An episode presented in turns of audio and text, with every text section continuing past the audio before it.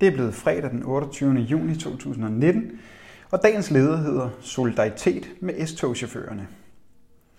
Hvis ikke S-togchaufførerne får deres overarbejde udbetalt inden midnat, kører der ingen tog lørdag.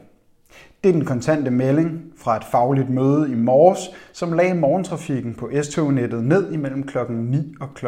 11 fredag formiddag. Det kan ikke være rigtigt, at vi bare skal køre tog, uden at vi kan få udbetalt vores overarbejde.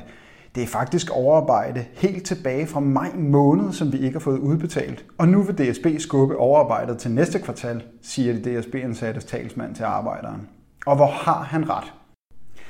Siden DSB tilbage i 2017 meldte sig ind i den private arbejdsgiverorganisation Dansk Industri og opsagde samtlige aftaler, lokalaftaler, kutumer og overenskomster med de statsansattes fagforeninger, har DSB og Dansk Jernbaneforbund forhandlet for at blive enige om, hvilke forhold de ansatte fremover skal arbejde under.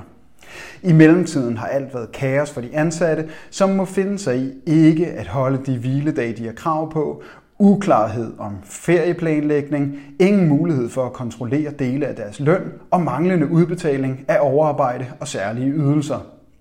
Det er helt urimelige vilkår, som ingen arbejder skal finde sig i. Hvis der ikke kører tog lørdag, så er det DSB-ledelsens ansvar.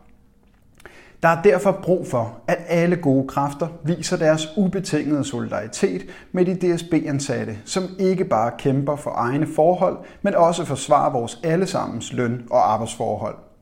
For får arbejdsgiverne i DSB lov til at køre deres ansatte over, så fortsætter damptrumlen igennem resten af arbejdsmarkedet.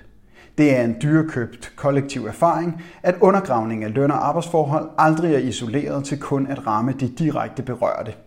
Vellykkede angreb på bestemte grupper af arbejdere spreder sig til resten af arbejdsmarkedet og skal stoppes ved roden.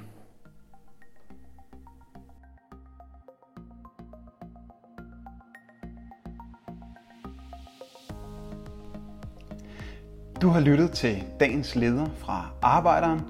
Abonner på vores podcast på iTunes, eller hvor du ellers hører dine podcasts. Du kan også klikke ind forbi arbejderen.dk for meget mere journalistisk indhold.